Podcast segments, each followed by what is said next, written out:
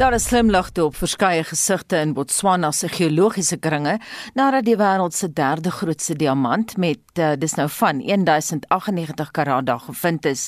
Die steen wat 73 mm lank is, is al op 1 Junie ontdek, maar Woensdag eers aan president Masisi in Gaborone vertoon. Nou vir meer oor die hele wêreld van diamante, praat ons vanoggend met die geoloog Gideon Groenewald. Goeiemôre. Goeiemôre Anita, gaan met jou? Dit gaan goed met my. Jy is seker aan glimlag oor wat hier gebeur het. Nou die mynmaatskappy Depswana se bestuurende direkteur Lenet Armstrong se woorde aan nuusagentskappe die week was: "It is believed to be the third largest gem quality in the world." Nou, wie verifieer so 'n stelling?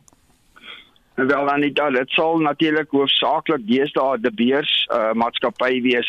Uh, ons weet dat uh, dat jy weet Cecil John Rhodes het op die plaas van die beurs uh, toe hulle die diamante begin het myn het in Kimberley hierdie maatskappy gestig uh, wat vandag nog 'n baie baie groot produseerder is of dan 'n myner is van hierdie uh, element uh, die diamante. So ek ek skat dit sal maar hoofsaaklik in die in in die beurs se hande wees om dan te verifieer wat dan die grootste uh, uh, nou ons moet onthou dat ons praat van diamante in verskillende klasse en hierdie diamant is dan nou van die edelgesteente of gem quality en daarom wat hy so geweldig gesog is. Sê vir ons as leuke, hoe word 'n diamant gevorm? Jong, ja, daar was baie kontroversie daaroor. Jy weet die mense het uh, het het daaroor soort van lank navorsing gedoen. Wat nou blyk te wees is dat die diamante vorm omtrent 150 km onder die grond reeds as diamante en dan word hulle in kimberlitpyp ontploffings wat ons nog nie in ons lewenstyd gesien het nie, word dit uitgeskiet na die oppervlak toe en daai diamant moet letterlik binne 'n paar sekondes die oppervlak bereik sodat hy dan nie verander in iets anders nie. En dit eh, dit maak dit 'n baie baie ra rare en baie waardevolle gesteente om op te tel. Hoekom blyk Suider-Afrika sulke goeie diamantfondse te lewer? Dit is 'n goeie vraag. Ek, my my antwoord daarop gaan wees dat Suid-Afrika sit op van die oudste moontlike kontinentale stukke van die aarde wat aanvanklik uh, eers in uh, in een groot stuk was toe opgebreek het in kleiner stukke weer bymekaar gekom het. Maar ons sit met 'n groot geologiese blok wat genoem word die Kaapvalkraton en omdat die diamante dus dan reeds gevorm is miljoene jare terug in in hierdie laag op die aarde sit wanneer hierdie uh, uh, kimberlite ontplof het 70 miljoen jaar gelede, het Suid-Afrika geweldige klomp van die goed gesien ontplof en dit is moontlik hoekom ons so baie van lê. Daar word dikwels gesê eh, dat die beers het 'n onnatuurlike waarde aan diamante geheg. Jy weet die hele advertensie diamonds are forever en dat daai stene glad nie so skaars is uh, as wat aan jong verloofdes voorgehou word nie. Is dit so? Ja, ek ek dink nie so nie. Nee, die die die die groot wat mense moet besef is dat om 1 karat uh uh, uh 1 karat diamant waarde uit te haal, byvoorbeeld in die Letseng myn in Lesotho, uh moet jy 100 ton rots moet jy opmaal. So dis geweldig duur om hierdie uh goedjies in die hande, diamantjies in die hande te kry. En ek dink die skaarsheid van die diamant, nommer 1, nommer 2 is natuurlik dat hierdie diamant word so geslyp dat die faset wat aan die bokant van die ring sit is amper onbreekbaar uh of, of of jy kan nie hom skraap nie. Dis nie dat hy nie gaan breek as jy hom uh, kap nie, maar hy skraap nie, niks sny daai kantjie nie en dit hou die diamant blink vir die res van die lewe en en in geskiedenis in omdat die hy so geslyp word. Gideon jy het nou gesê dat die beers nou sou bepaal of dit nou wel die derde grootste diamant ter wêreld is, die een wat nou in Botswana gekry is, maar wie bepaal die waarde van die 'n uh, diamant of sorteer die markte uit? Gaan dit oor wat mense bereid is om te be, uh, te betaal? Ja, Anita, dit is so dat alles wat jy in die wêreld kry, alle mensgemaakte of selfs goed wat mense besit, het slegs 'n waarde wanneer jy hom koop of verkoop. En 'n diamant as jy hom klaar gekoop het, dan het hy vir jou eintlik geen waarde tot jy hom weer verkoop nie. So, uh, dit is definitief so. Dit hang af wie dan die bod gaan insit. Daar's uh, daar's nou mense wat bod wat wat kan bod op hierdie goed en uiteindelik word dit dan toegeken aan 'n hoogste bodder of of iemand wat mense weet daai diamant baie baie goed kan slyp daai soort van dinge en dan kry die diamant natuurlik sy naam ook van of die ou wat hom koop of uh, in hierdie geval dink ek dat die diamant baie moontlik is 'n uh, Tswana naam gaan kry wat wat gaan beteken hoop vir Botswana as ek nou sien wat in die media aangaan. Ek wil nou juist vir jou vrou kies 'n mens se naam.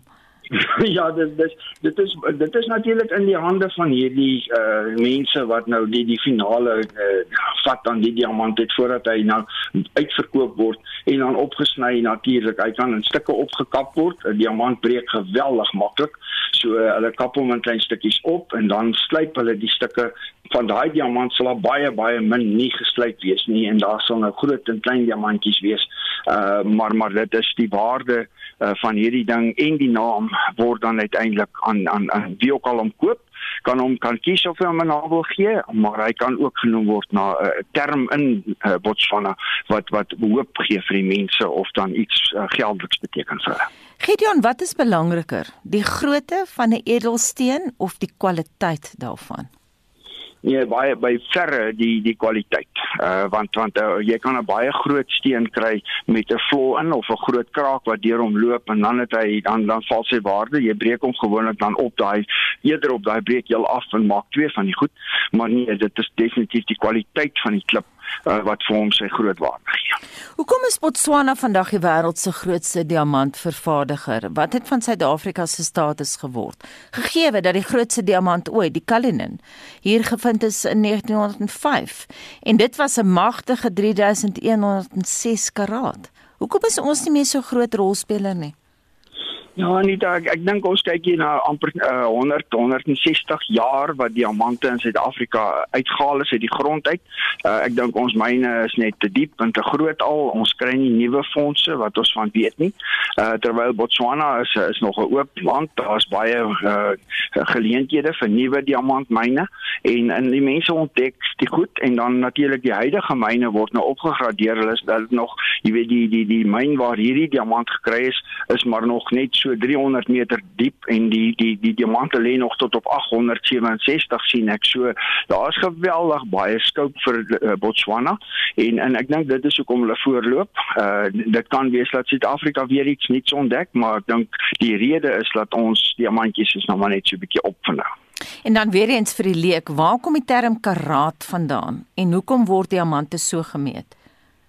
Jong, ja, uh, een karaat is so net oor die 0,3 gram. So 'n karaat uh, is maar in, in die ou terme gebruik as die as die weeg vir uh, edelmetale en ek dink dit gaan oor die feit dat 'n baie baie klein stukkie goud kan baie baie swaar weeg in terme van ons gramme. So dan dan kan jy ook as jy hoe kleiner jy gaan, hoe kleiner moet jy hom opsny en en dit word punt 3 uh, van van 'n gram is dan 1 karaat. So as jy 1 as jy 10 karaat uh diamant in jou hand hou, dan het jy letterlik 'n 3 gram stukkie klip in jou hand. Hm, baie dankie. En daai inligting kom van die geoloog Gideon Groenewald. Onlangse satellietfoto's deur die Europese Ruimteagentskap toon dat daar 'n wolk metaangas in die lug hang oos van Johannesburg.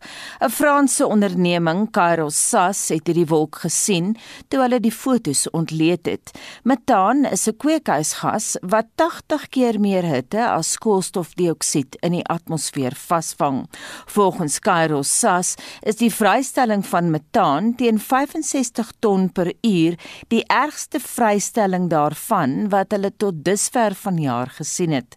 Die wolk is opgemerk so wat 125 km oos van Johannesburg waar verskeie steenkoolmyne en ander chemiese aanlegte van Sasol voorkom. Sasol ontken dat hulle op die betrokke dag waarop die wolk nou voorgekom het, verhoogde metaanvlakke gemeet het.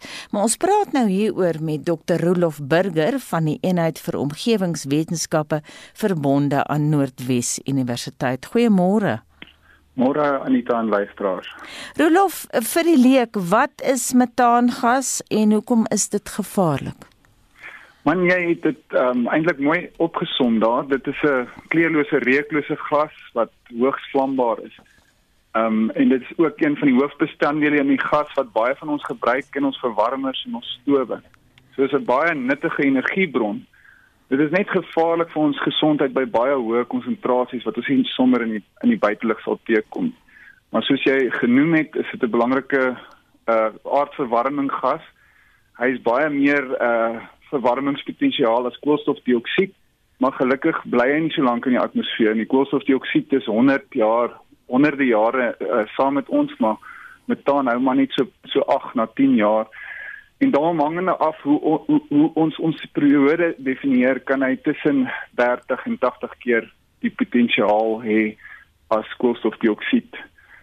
Ehm um, so die die impak op aardverwarming is seker die hoofrede hoekom ek en jy vanoggend gesels. Mhm. Mm Rolof, ons is Johannesburgers, ons is bekommerd. Moet ons bekommerd wees of kan ons rustig raak? Man, uh ek sou nie sê hierdie is 'n groot uh, bron van kommer nie. Daar's omtrent 40% van alle metaanemissies is is natuurlik globale vlei lande die belangrikste natuurlike bron.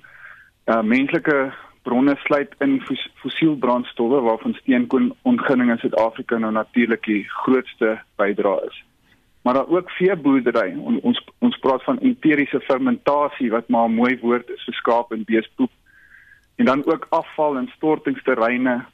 In Suid-Afrika se graai oor die algemeen is daai seker net sulke groot probleme as as die die uh, huidige uh, probleem wat te maak het met die steenkoolmyne. Mens sou net kon dink die Franse sal 'n fout maak nie. Sasol ontken egter dat hulle verhoogde metaanvlakke gemeet het. Waar anders sou dit vandaan kon kom? Kyk, ek uh, dit is waarskynlik dat dit uh, gekoppel kan word aan aan steenkoolmyne. Maar metaan is nie is nie regtig 'n gas wat ons so uh gereeld meet nie omdat ek gesê het dat die die impak op gesondheid nou nie regtig iets is wat ons oor bekommer is nie. So mense meet dit meer uh om die potensiaal vir 'n uh, energiebron uit te wys en dit is ook natuurlik die doel van hierdie uh van hierdie uh, uh maatskappy wat wat hierdie produkte uh vrystel. Dit word gebruik om om om sulke lekkasies in in pyplyne of potensiële energiebronne te identifiseer. So ehm um, ek sou nou nie sê dat dit dat hierdie 'n uh, rede tot kommer is nie. Ehm um, die luisteraars kan ook die, die berig sien vir wat dit is. Jy weet uh ons ons gaan al hoe meer onder skoot kom uh omdat klimaatsverandering is die probleem van die dag en uh om, omgewingsdrukgroepe teiken ouens wat wat sterk afhanklik is van steenkool. En in Suid-Afrika is 90% van ons elektrisiteit en en meer as 70% van al ons energie kom van steenkool af. So ehm um, ek dink Eskom Sasol al die groot steenkoolmyne gaan toenemend toenemend onderskoot kom deur uh om, om, omgewingsgroepe. So ek jy het seker gesien laasweek 'n Shell deur die Nederlandse hof aangesê dat hulle nie genoeg doen om om klimaatsverandering te bekamp nie. En daar's ook heidaglik hofsaake in die Verenigde Koninkryk wat die befondsing van hierdie selfde tipe gaste in, in naby Mosambiek probeer stop. So ek dink ek en jy gaan nog heelwat hieroor praat in die toekoms. Rolof, die tegnologie wat gebruik word om hierdie soort wolke op te spoor is fascinerend. Wat weet jy daarvan? Ja, dit is uiters interessant en ehm um, dit kan soos ek gesê het, dit kan gebruik word om lekkasies en ander bronne te identifiseer en dit kan ons help om hierdie energiebron beter te bestuur en die aard van die saak ook kweekhuisgas emissies te beperk in die laaste paar jare is en en ook in die nabye toekoms word daar talle van hierdie satelliete in die ruimte geplaas wat allerlei aspekte van die omgewing observeer.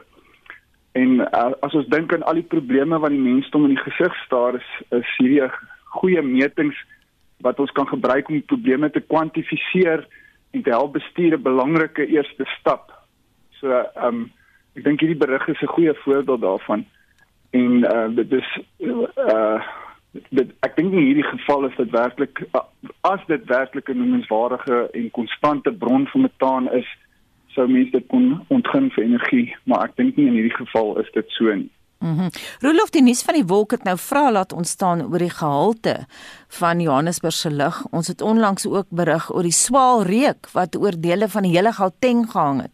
Hoe veilig of onveilig is ons luggehalte? Dis stou praat jy Anita. Uh lugkwaliteit is een van ons grootste omgewingsprobleme. Ons beraam die huidige impak van lugbesoedeling op ons bruto binnelandse produk tussen 4 en 5%. Dit is meer as 2 keer so groot soos die landbou landbousektor se se bydrae. So dis verder ook interessant om te noem dat die beraamde impak van klimaatsverandering op Afrika se ekonomie oor 30 jaar maar eers tussen 4 en 5% gaan lê. So die impak van lugbesoedeling vandag ewenaar die beraamde impak van klimaatsverandering oor 30 jaar. Hmm. So dit is 'n groot probleem en ons moet daaroor praat, ja. Absoluut en ons gaan in die toekoms dit weer doen soos wat jy voorspel het. Baie dankie dit aan Rolof Burger van die Eenheid vir Omgewingswetenskappe verbonde aan Noordwes Universiteit. Dit bring ons by 7:30. Intussen praat ons oor juwele vanoggend. Ek moet sê ek het meer stories verwag van mense wat hulle ouma en ouma grootjie se juwele nog dra, Estie. Ehm um, Anita, hier's baie stories van mense wat hulle ringe verloor het maar en weer teruggekry het. En Susan Foster sê, my suster het jare terug haar verloofring op haar verloofde se plaas in die Artappeland verloor en 'n jaar later het sy weer daar gestap en iets sien blink. Dis amper ongelooflik om te glo, maar sy het haar ring toe teruggekry op presies daardie selfde plek. Oh. En Nonnie in die Weskus skryf in 2009 het ek 'n verloofring tussen grond en modder gekry terwyl ons baie ou ongebruikte tennisbane skoon gemaak het. Ek het oral geadverteer, maar nooit het iemand daarop gereageer nie. Ek sal graag hierdie ring se storie wou weet. En Daleen sê, ek het my verloofring se 50 karat diamant in die varkhok verloor. Mm. Ek het al die hooi uitgeskit en uiteindelik gekry. Ek was baie bly. 50 karat diam sure. uh, diamant Anita. Ah. Uh Christa van Middelburg in Mpumalanga skryf, ek het my verloofring in 1964 by my ouerhuis verloor. Ek kry dit toe in die stoof. Ek het mieliestronke in die stoof gegooi. Ja, stronke het 'n baie lekker vinnige vuur gemaak. Die diamant het geen skade gehad nie en ek dra dit nou nog. Ja. En Jeline Kern laat weet, my verjaarsdagsteen is 'n diamant. Vir my 16de verjaarsdag het my ma haar trouring laat smelt nadat my ouers geskei is en die goud en diamant gebruik om vir my 'n halsnoer te laat maak. En vandag is die betekenis daar agter baie waardevol en ek het ook my ouma se verloofring laat opknap en jy sal nie sommer so 'n mooi ring in vandag se winkels kry nie. Laat weet vir ons wat is jou storie met jou juwele. Ons fokus Vrydag in Monitor ook op wat op die sportveld gebeur. Ons praat nou met Pieter van der Berg. Môre Pieter. Môre sê Anita. Die eindstryde van twee rugbyreekse word nou die naweek afgehandel en die Karibeker reeks is terug. Ja, vanaand in die Karibeker reeks begin die eerste wedstryd in die toernooi wat oor 12 weke sal strek om 7uur en dis tussen die Pumas en die Lions. Dit word in Mbombela gespeel. Die Lions hulle spog met 'n nuwe skakelpaar en senterpaar en daar sal regstreeks rugby verslae deur Dion Skuman gelewer word. Dan môre speel Griekwas teen die Haie in Kimberley. Die wedstryd begin om 0:30 en die skeieregter is meer Rasta as 'n wenge. Die bulle in die WP, hulle taak om mekaar môremiddag om 4uur, dis in Pretoria op dis Versveld en Johan Rademan sal verslag doen oor daardie wedstryd. Dan die Bulls speel teen die noordelike Reënboogreeks se wenners, dis Benetton Treviso in Italië en dis in die Reënboogreeks se eindstryd. Daardie wedstryd begin om 07:30 môre Suid-Afrikaanse tyd. En dan die Trans-Tasmaniese rugbyreeks se eindstryd word ook beslis. Dis daar natuurlik daar in die reeks tussen die superspanne van Nieu-Seeland en Australië. Nou die Nieu-Seelandse spanne, al 5 van hulle die eerste 5 plekke op die punteteler ingeneem of die eerste 5 posisies dan en die Blues en die Highlanders Hulle sal môre om 5 minute oor 9 kragte meet op Eden Park om te besluit wie is dan of te beslis wie is die wenner van daardie reeks. Verlede naweek het Garrick Higo met sy tweede probeerslag in Amerika reeds 'n PGA golftoernooi gewen. Nou hierdie naweek trek die wêreld se beste saam vir die Amerikaanse Ope. Ja, daar die, die uh, toernooi, dis die Palmetto Kampioenskap in Richland gewees wat deur Gary Higo gewen was. Maar gepraat van die Amerikaanse Ope, dis die eerste ronde van hierdie derde major van die jaar wat uh, by Torrey Pines in San Diego uh, vroeg gestaak moes word weens donkerte. Daar is al 36 spelers van die veld van 156 wat die ronde moet voltooi. Nou daar's 9 Suid-Afrikaners in aksie. Nou die einste Gigo is op 5 oor syfer na sy eerste ronde. Russell Henley en Suid-Afrikaanse Louis Oosthuizen, hulle is die voorlopers op 400 syfer en uh, Louis moet nog twee puitjies voltooi. Hy het met ander 16 reeds afgehandel. Rafa Cabrera Bell en uh, Francesco Molinari, hulle is op 300 syfer, gesaam met die derde Charles Swartsel, hy's geluk aan syfer, Christian Besuitnout en Wilco Ninaber 1 oor en Dylan Fratelli en Brandon Grace 2 oor syfer. En dan by die LGPA Tour in Amerika is dit die major ehm um, klassiek wat gespeel word. Nou daar is Suid-Afrikaanse Ashley Buhai, gesamentlik 38ste op 300 na die eerste ronde. Daar is vier spelers op 700. Dis Nasa Atogia, Lena Maguire Charlie Hull en Lauren Stevenson. Die Franse Ope tennis toernooi het verlede week vir uitstekende tennis gesorg. Wat is die aksie hierdie week? Ja, Novak Djokovic het natuurlik die eerste manspeler in 52 jaar geword om al vier Grand Slam titels twee keer te wen. Dit is ook sy 9de Grand Slam titel. Maar soos jy sê, daar is twee toernooie waarop ons fokus hierdie week en die vierde tri toernooi in Engeland. In die ronde van 16 het Dennis Shapovalov vir Feliciano Lopez met 6-2 en 6-3 geklop gister en dan Andy Murray het pak gekry. Matteo Berrettini was baas met 6-3 en 6-3. En dan in Duitsland is Alexander Zverev en Kei Nishikori in die ronde van 16 uitgeskakel, maar goeie nuus vir Suid-Afrikaanse Lloyd Harris. Hy klop vir Lucas Lekko met 6-3 en 7-6. En dan in die vroue toernooi daar in Berlyn ook die ronde van 16, daar het uh, Angelique Kerber pak gekry. Victoria Azarenka het daar met 6-3 en 7-5 afgestof en dan Karolina Pliskova, sy is ook uitgeskakel. Jessica Pegula was baas met 7-5 en 6-2. Wat gebeur op die cricketveld? Op die cricketveld moet ek sê Pieter? Ja, Anita, dis 'n groot opgewondenheid. Die wêreldtoetskampioenskap se eindstryd begin vandag. Dis Nieu-Seeland en Indië wat mekaar pak en uh, daar die uh, um, eindstryd begin om 11:00 in Southampton. Dis die 5-dag eindstryd, natuurlik oor 5 dae wat beslis word. Nou Virat Kohli se Indië, uh, hy is Indië se kaptein en hy spog met 36 oorwinnings in sy 60 wedstryde as kaptein. Dis 'n sukses van 60% vir hom en dan Kane Williamson, die kaptein van die Swartpette, hy het 21 oorwinnings in 36 wedstryde behaal. En dan Suid-Afrika is ook weer in aksie. Die Proteas was sommer koekwater vir die week hulle die eerste toets teen die Wes-Indiese eilande met meer as 'n beurt gewen. Nou daardie tweede toets begin dan vandag om 4:00 in en uh, dit sal wees in die Darren uh, Sammy uh, Cricket Stadion.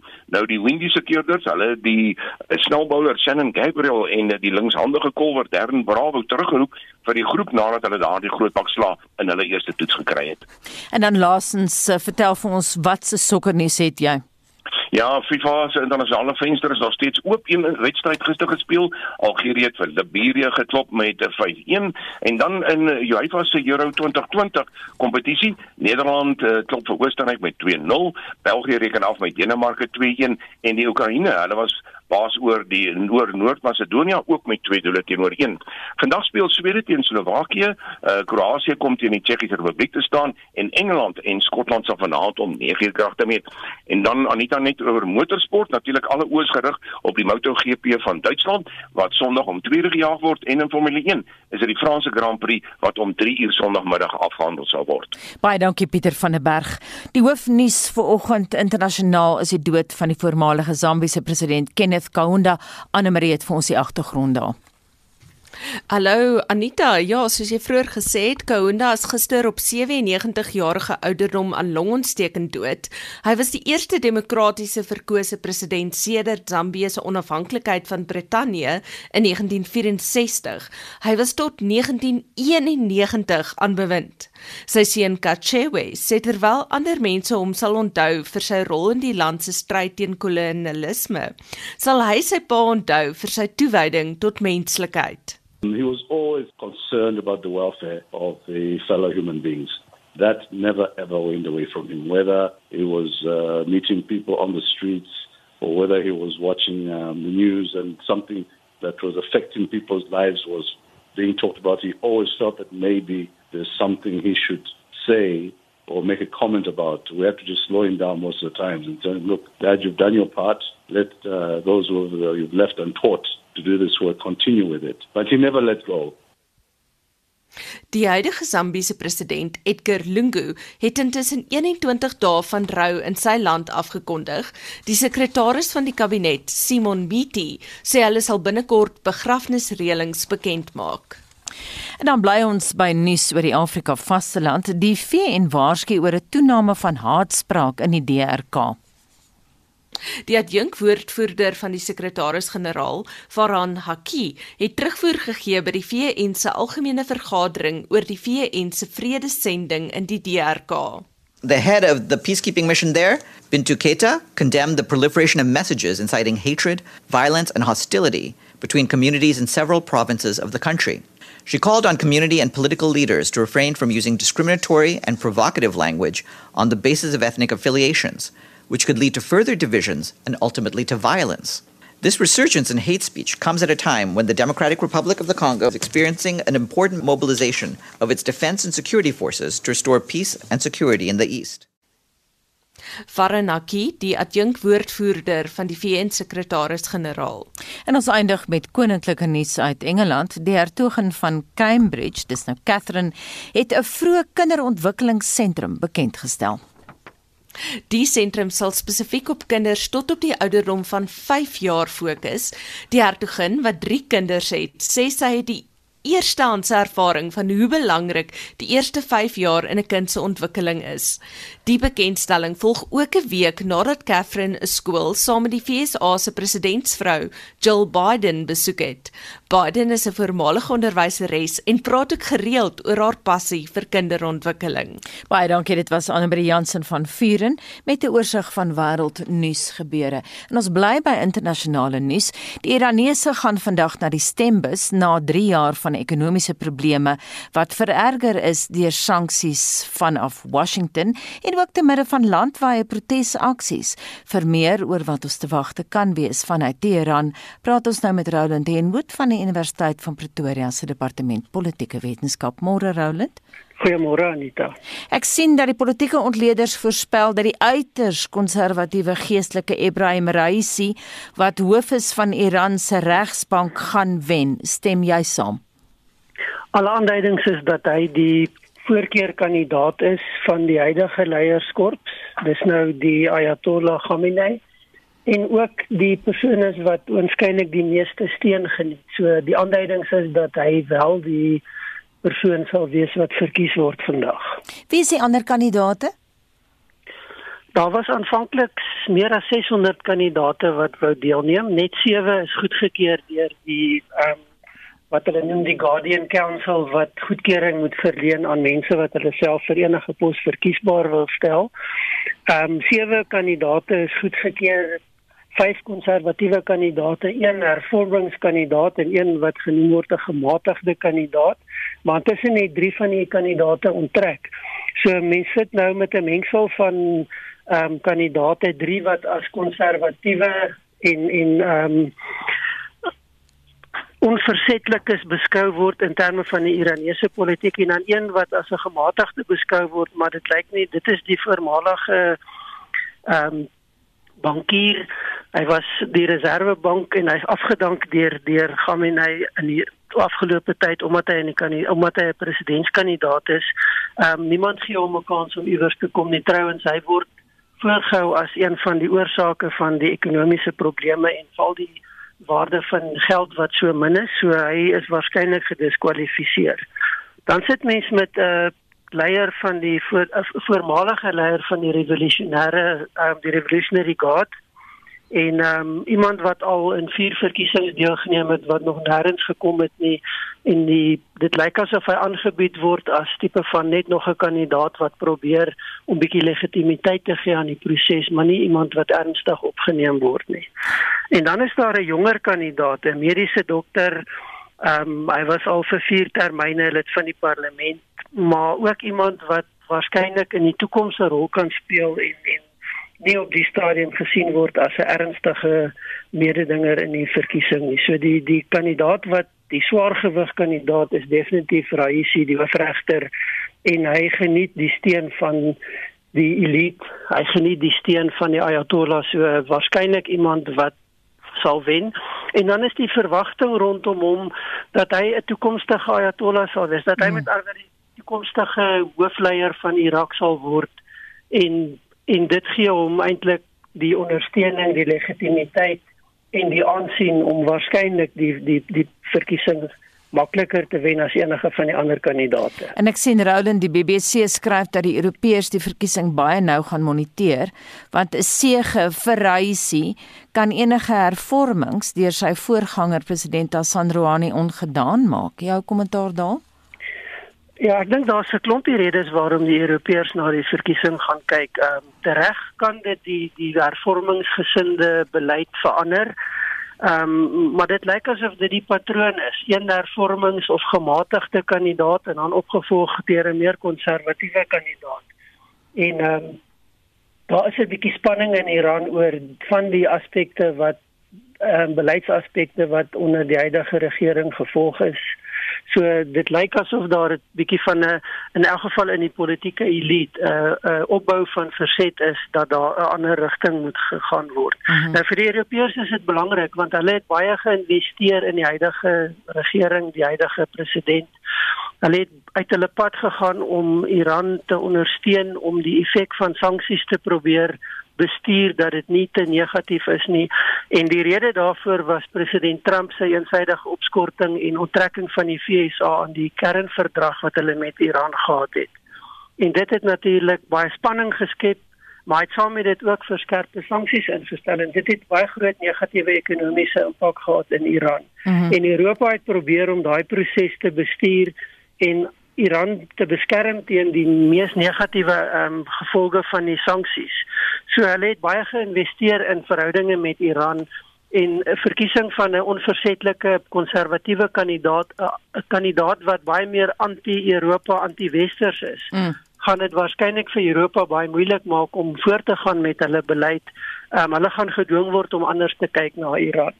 As jy net kortliks kan antwoord, Iran se jeug is oproerig. Het hulle nog enigstens geloof in die stembus? Die verwagting is dat die stempersentasie laag gaan wees. Die vorige verkiesing was dit 4 jaar terug was dit 70% aanduidings is dit gaan heelwat laer wees, nie net oor die jeug nie, maar oor algemene ontevredenheid met ekonomiese omstandighede, ehm um, die effek van COVID wat wat wat mense dalk kan weghou en dan ook die feit dat mense nie wil stem vir die ehm um, tipe kandidate wat nou die waarskynlike kandidate gaan wees wat die verkiesing wen nie. So daar kan 'n bietjie van 'n protesstem wees oor meer as net ekonomiese omstandighede. Hoe vry en regverdig kan die verkiesing wees te midde van beperkings op sosiale media toep so Signal wat veral gewild is onder Iranese en dan ook die sluiting van die gematigde Koran sê daar. Uh dink jy dit gaan of kan 'n vrye verkiesing wees? Wel, ek dink dit dit kan waarskynlik 'n redelike vrye verkiesing wees, maar dit gaan nie heeltemal vry wees nie. En ek dink die eerste plek waar mens moet begin kyk is die manier waarop kandidaate letterlik aangewys word. Ehm um, jy kan sê jy's jy wil deelneem, maar jy gaan nie goedkeuring kry as jy nie die goedkeuring van die politieke elite het nie.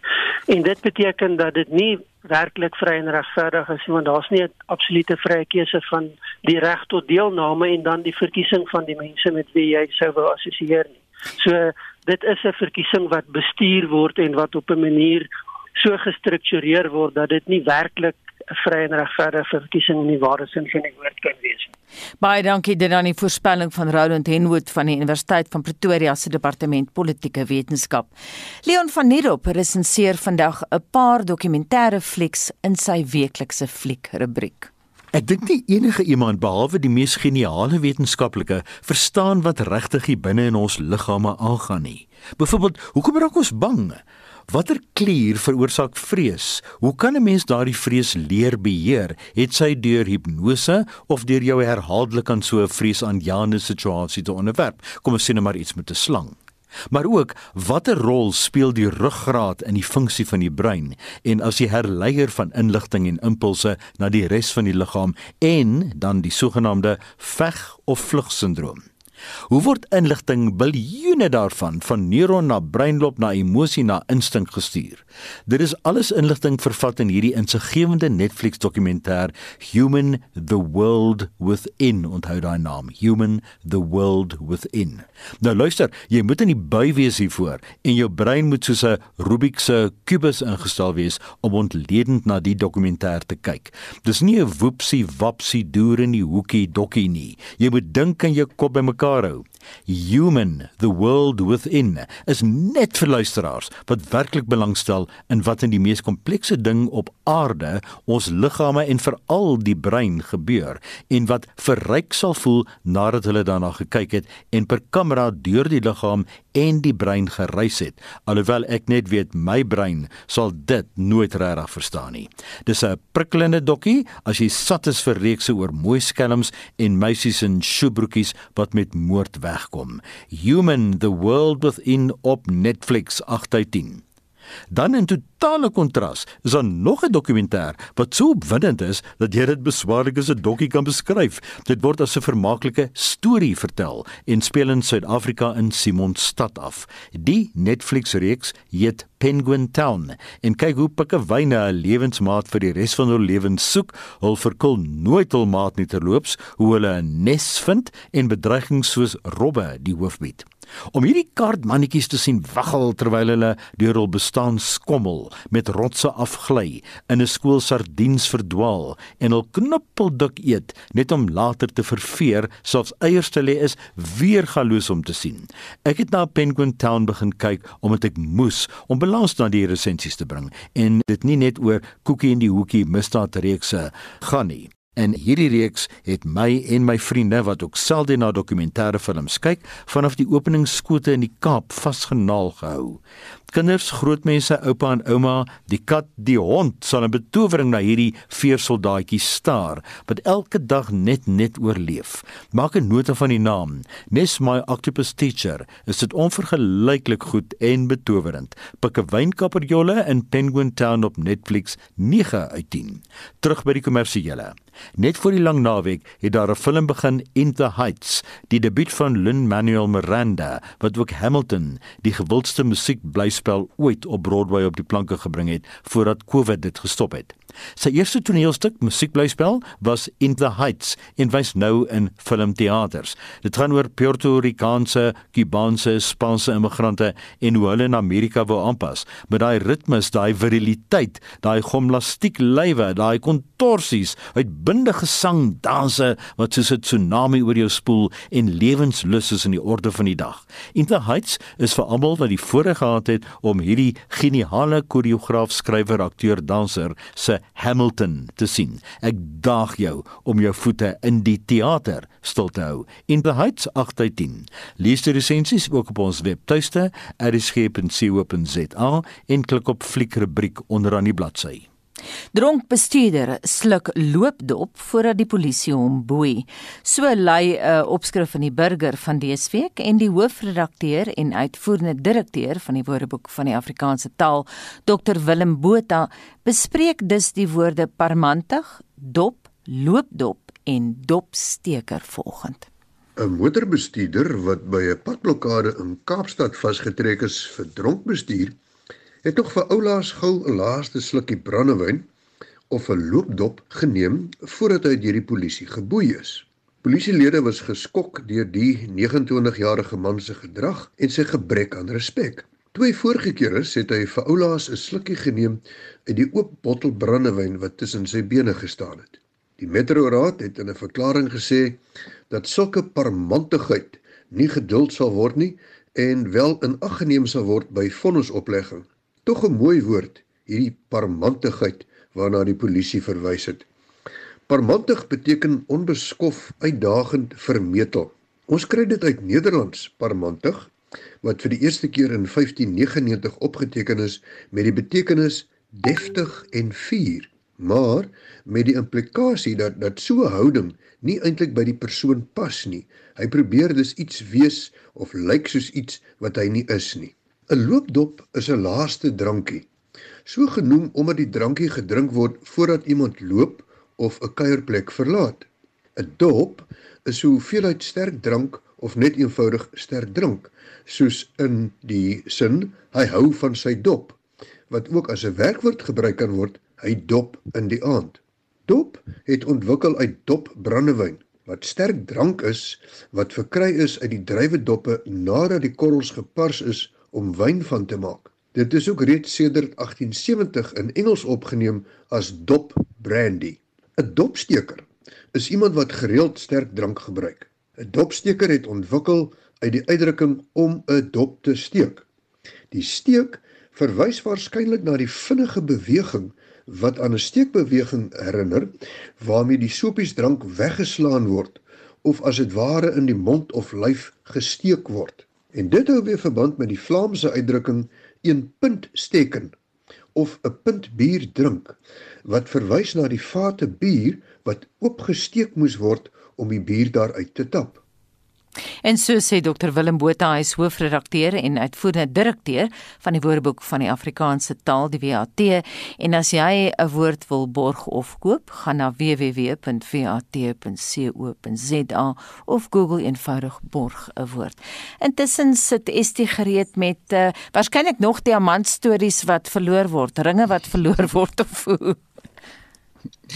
'n Luisteraar laat weet ek's in die hospitaal opgeneem en moes van my juwele huis toe stuur en my man het my verloofring in sy hempsak gesit en die hemp is later aan die tuinman gegee en ek vra toe weke later of ek nou die ring maar kan terugkry en hy is dadelik na die tuinman se huis toe en daar vind hy toe die hemp onder sinkplate geberre en toe hy die hemp uitskit daar is die ringe. En die tuinman het toe darme ordentlike voetjie gekry. En Lou van Potchefstroom skryf ons is getroud met my vrou se ouma se trouring en die ring is nou 135 jaar oud en my ma se verloofring wat nou 110 jaar oud is. Mm. en ons sou die jaar 53 jaar getroud gewees het maar my vrou is 3 weke weke gelede oorlede. En nou luisteraar sê ek het my ouma se trouring en binne in die trou binne in die ring is die troudatum gegraveer 16 Februarie 1926 en dit is vir my baie kosbaar. Baie dankie vir al jou juwele stories vanoggend. Wat 'n goeie idee om ouma se ringe te gebruik om verloof te raak en te trou. Maar van daardie af van die romantiese gaan ons na Anne Marie toe vir die dagboek van Spectrum. Hoe lyk die nuus daar Anne Marie? Die voormalige minister van openbare ondernemings, Malusi Gigaba, sit sy getuienis by die Zondo-kommissie van staatskaping voort. Die waarnemende minister van gesondheid, Mamoloko Kubain Gubane, hou saam met 'n paneel kenners 'n media-konferensie oor die regering se stryd teen COVID-19 en die inentingsprogram. En dan kyk ons na die probleem van back and closure in KwaZulu-Natal. Onthou vorige uitsendings van Monitor is op RSC se webblad as 'n potgooi beskikbaar. Gaan na www.rsc.co.za en daarmee groet ons namens ons waarnemende uitvoerende regisseur Wessel Pretorius, die man in die warm stoel vanoggend, Justin Kennerly, ons produksieregisseur Daitron Godfrey en my naam is Anita Visser.